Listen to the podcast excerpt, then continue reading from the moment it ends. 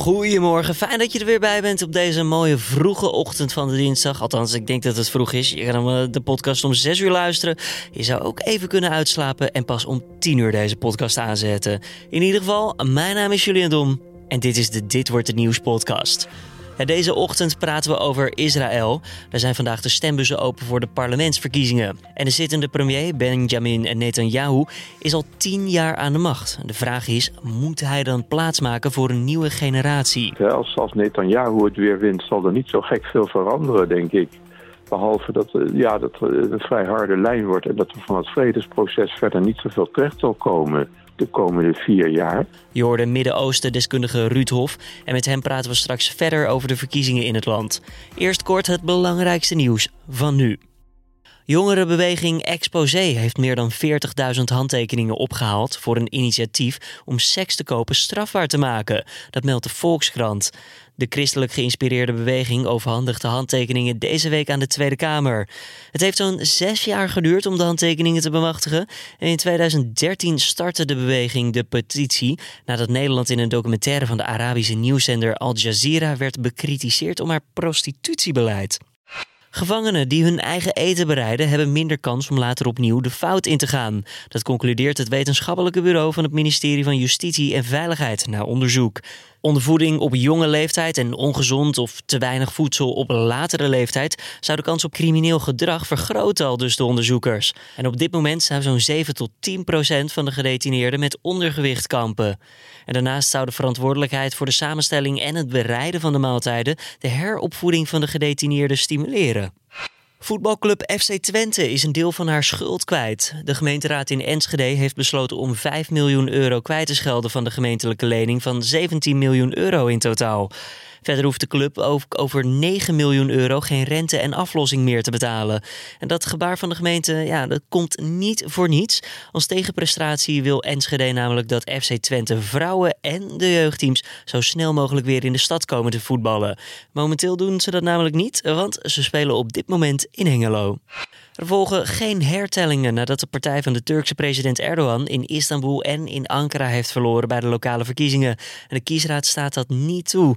Erdogans partij verloor in Istanbul met een verschil van zo'n 16.000 stemmen. Zijn partij, de AKP, verloor daarnaast ook in de hoofdstad Ankara. En dat betekende voor het eerst in 25 jaar dat zij niet de grootste partij is in beide steden.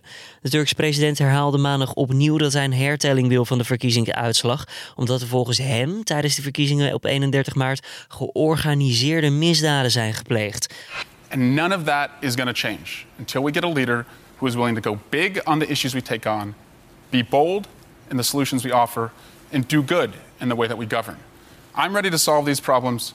I'm running for president of the United States. Ja hoor, tel je mee? Want dit is inmiddels nummer 18 voor de Democraten. Eric Swalwell zal gooi doen naar het presidentschap in 2020 in de VS. En zelfs al is Swalwell nummer 18, voormalig vicepresident Joe Biden voegt zich hoogstwaarschijnlijk ook nog eens aan de race toe. Al moeten we nog even afwachten hoe dat gaat lopen gezien de omstandigheden en ja, de verhalen die rondom Biden spelen. Zodra er meer nieuws is, lees je dat uiteraard op nu.nl. En dan gaan we nu naar ons verhaal van deze dinsdag. Israël. Ja, op de agenda vanwege de parlementsverkiezingen in het land. Premier Benjamin Netanyahu van de Likud-partij is al tien jaar de man achter de knop in het land.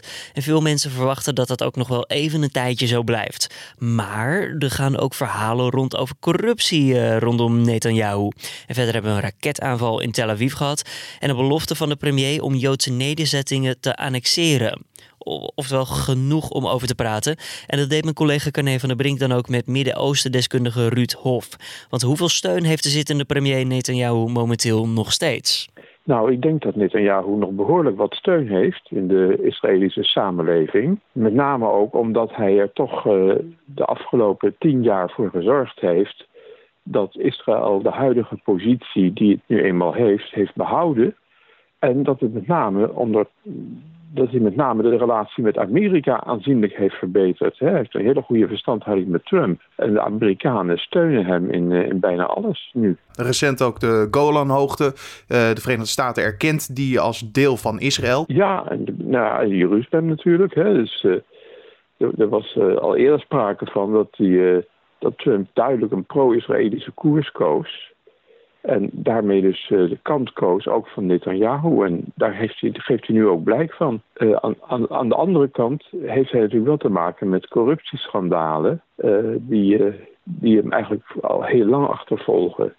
Maar ja, dat, dat, heb je meer in de Israëlische samenleving. Veel corruptieschandalen ook te vinden in de media. Um, uh, waar draaien die dan om? Ja, die draaien om een aantal dingen. In de eerste plaats zou, zou Netanyahu in het verleden geld gegeven hebben en gunsten verleend hebben om hemzelf en zijn partij positief in de media af te schilderen. Maar al veel langer zijn er ook allerlei berichten over, ja, laten we maar zeggen, de wat extravagante hofhouding die hij erop nahoudt samen met zijn vrouw Sarah. Uh, allerlei uitgaven die hij doet, privéuitgaven, die bekostigd worden vanuit de schatkist. Dat is een, uh, een, zaak die al heel lang hem achtervolgt. Maar nogmaals, dat is niet alleen wat Netanyahu achtervolgt, maar dat geldt voor veel Israëlische politici. Dus het, het modder gooien, zeg maar, over dit soort dingen, dat is eigenlijk al heel lang gebruikelijk in Israël.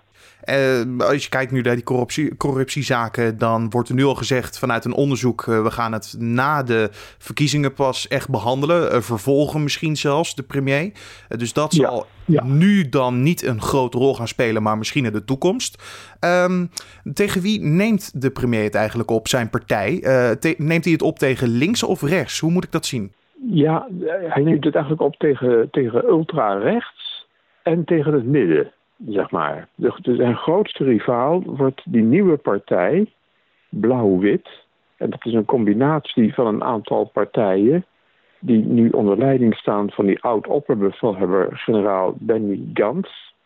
Waaraan ook Yair Lapid met zijn, uh, zijn partij meedoet. En is, ja, je zou kunnen zeggen dat is een soort middenpartij. Uh, die, die, die uh, dat zou wel eens de grootste partij kunnen worden. Uh, dat is nog niet helemaal zeker. Tegelijkertijd probeert Netanyahu uh, stemmen weg te trekken bij ultrarechts. Vandaar ook die uitspraak over die nederzettingen. Uh, kleine rechtse partijen, die, die waarschijnlijk ook nodig zullen zijn om, om een coalitie te vormen, die probeert hij ook de wind uit de zeilen te nemen. Door zelf ook maar een aantal dingen te, te, te roepen die, die uit die kring komen, zodat hun de pas afsnijdt. Ja, zoals de annexatie van verschillende gebieden in, uh, rondom Israël en in Israël. Uh, zo zou hij dus misschien de wind uit de zeilen halen van andere partijen. Ja, dat is denk ik de bedoeling van hem. Dat hij probeert zo min mogelijk afhankelijk te worden van ultrarechts. Maar ja, wel door zijn eigen programma natuurlijk aan ultrarechts aan te passen. En, ja, daar lijkt hij wel enig succes in te boeken. Juist ook omdat hij nu die Amerikaanse steun heeft. Maar als u kijkt naar deze verkiezingen, denkt u dat het ook een spannende strijd kan worden? Kan bijvoorbeeld Israël een, een nieuwe premier krijgen? Ja, het kan wel. Uh, het wordt een beetje een nek-aan-nek race voor wat de grootste partij wordt. Uh, traditioneel is het zo dat de grootste partij het voortouw neemt bij de kabinetsformatie. Maar het is in Israël net zoals in Nederland dat er geen kabinet te formeren is zonder een veelheid van partijen. Dus het wordt altijd heel ingewikkeld, coalitievorming. Maar uh, als, als we een rekensommetje maken, dan is het toch wel zo dat uh, Netanyahu eigenlijk toch wel kan rekenen dat, dat hij, als hij een aantal rechtse partijen aan zich weet te binden, dat hij toch nog wel een meerderheid weet te behouden, ook als zijn eigen partij niet de grootste is. En dat Blauw-Wit, ook als dat de grootste partij wordt, het toch moeilijk zal krijgen om zo'n meerderheid te formeren. Dus het, eh, het, het, eigenlijk staat Netanyahu er toch wel beter voor. Zij het dat je je wel kan afvragen of, of zijn positie na de verkiezingen nou echt versterkt is. Ja, en dat je misschien een heel erg verdeeld Israël krijgt. Ja, je krijgt een, ja dat, dat heb je al. Je hebt al een verdeeld Israël. Uh, alleen niet naast de traditionele lijnen waarin het vroeger verdeeld was. Vroeger zag je altijd dat het verdeeld was tussen de Arbeiderspartij en, uh, en de Likud, het Likudblok, zeg maar. Zeg maar tussen rechts en links. Nou, die Arbeiderspartij is vrijwel weggevaagd. En het is nu uh, meer tussen de, het Likudblok en een aantal nieuwkomers. Die ja, misschien met enige fantasie ook een soort populistische partijen zou kunnen noemen. Ja, die, die zeggen dat ze een, een andere lijn willen maar in wezen toch niet zo vreselijk veel afwijken van het rechtse programma. Maar je hebt natuurlijk ook wat natuurlijk een heet hangijzer is de veiligheid binnen het land, uh, binnen Israël. Want vorige maand bijvoorbeeld had Hamas de Israëlische verkiezingsstrijd op uh, scherp gezet door twee raketten af te vuren op Tel Aviv. Uh, hoe groot speelt eh, Hamas, Israëlische Palestijnse conflict eigenlijk voor deze verkiezingen? Als je kijkt naar bijvoorbeeld beleid, campagnes en dat soort dingen. Nou ja, het is altijd zo dat wij in, het, wij in Europa altijd denken dat dat heel belangrijk is in Israël. Maar in Israël zelf spelen natuurlijk ook gewoon dingen als sociaal-economische kwesties. Van de kosten van levensonderhoud en dat soort zaken. En eigenlijk zijn de, de meningsverschillen over de veiligheid van Israël zijn niet zo vreselijk groot. Afgezien dan misschien van het feit dat Netanyahu nu toch een voor een heel erg onverzoenlijke koers lijkt te kiezen. Dat wil zeggen dat hij dus ook die nederzettingen zou willen annexeren. En als, als dat inderdaad zou gaan gebeuren, ja, dan, uh, dan is eigenlijk elk gesprek met de Palestijnen onmogelijk geworden, zou je kunnen zeggen. Terwijl zijn grootste rivaal, Benny Gantz, die zegt: wij willen toch wel graag dat vredesproces weer op gang brengen. En op de duur toch ook een Palestijnse staat mogelijk maken. Maar ook, ook die, ook Benny Gantz, biedt daarvoor niet onmiddellijk een oplossing. En uh, ook die stelt veiligheid voorop.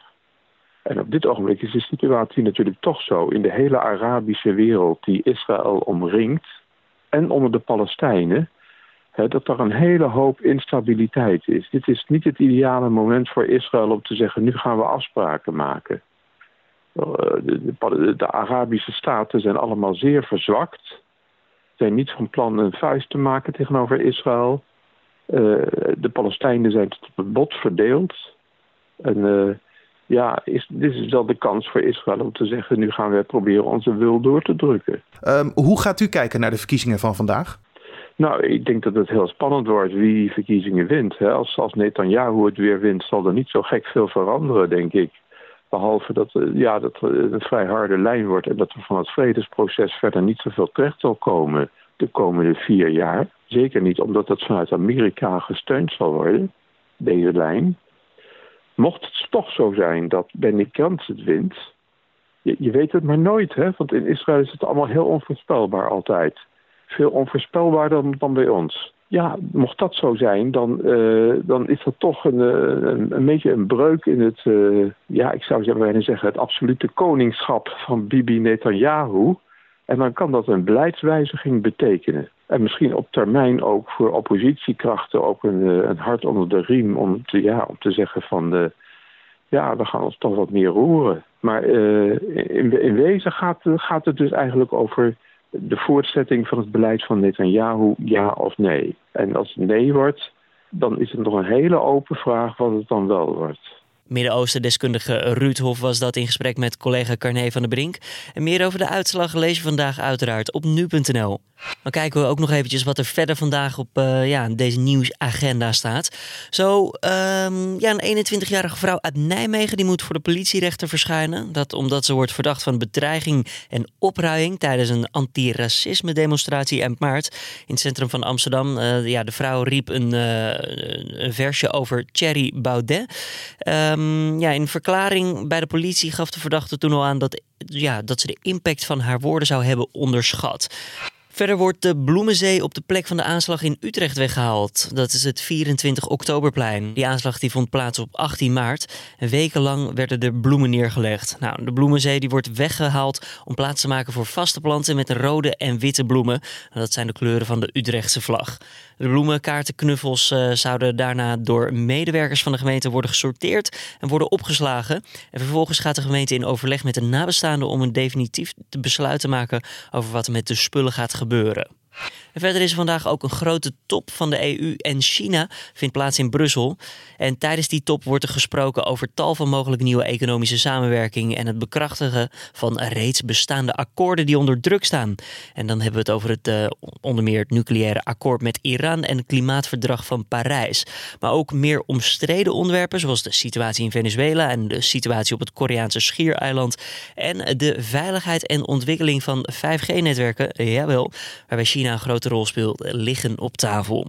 Daarover vandaag dus meer. Dan nog even het weer voor deze dinsdag. Ja, het is wisselend buiten. Als je naar het noorden kijkt, zal het hoofdzakelijk zonnig zijn. In het midden van het land is er wat meer afwisseling tussen wolken en zon. En in het zuiden is er ook nog eens kans op wat regen. Maar dan hebben we het over een bui, niet, geen, geen stortbui of zo. Het waait matig en het wordt zo'n 10 tot 15 graden. Ja, en dan ook nog eventjes vrolijke muziek op deze dinsdagochtend. Misschien herken je het wel, dit is een nou, redelijk bekend Nederlands duo. En ja, ze hebben leuke muziek gemaakt, eh, waaronder deze. Al ben je helemaal kapot, besodemieterd en verrot, voel je je zwaar genaaid. Ben je bijna doorgedraaid, al zit je soms volledig in de put. Denk dan soms is het leven echt volkomen kut. Veldhuis en Camper zijn dat. En ze maken volgend jaar weer een nieuwe show samen. De cabaretiers staan vanaf maart 2020 met try-outs van een nog titelloos programma in de Nederlandse theaters. En acht programma's eerder al maakte het duo begin 2016 bekend om voor onbepaalde tijd even pauze te nemen. Het afgelopen theaterseizoen keerden ze weer terug naar de planken. En dat met de voorstelling Geloof ons nou maar. En die show werd zelfs genomineerd voor de Polifinario. En dat is de belangrijkste cabaretprijs van Nederland. Nou, of de volgende show ook zo goed, of zo kwalitatief goed in ieder geval wordt, valt nog even af te wachten. Dus zoals ik zei, 2020 in de theaters. Al ben je net gedumpt misschien en wil je vriendje nooit meer zien omdat je adem ruikt. Of ben je als matras gebruikt en voel je soms echt een saaie trut. Denk dan soms is het leven echt volkomen kut. Dit was hem dan weer, de Dit Wordt Het Nieuws podcast. Het is 9 april, mocht je de datum inmiddels vergeten zijn. Ik uh, wens je een hele goede werkdag tegemoet. Maak er wat moois van. Laat even, ook even weten aan ons wat je van deze uitzending vindt. Dat kan via podcast.nu.nl, simpel mailtje. We doen er wat mee, we lezen het en we evalueren het allemaal. Mijn naam is Julian Dom. Ik wens je een hele goede dinsdag en voor nu tot morgen.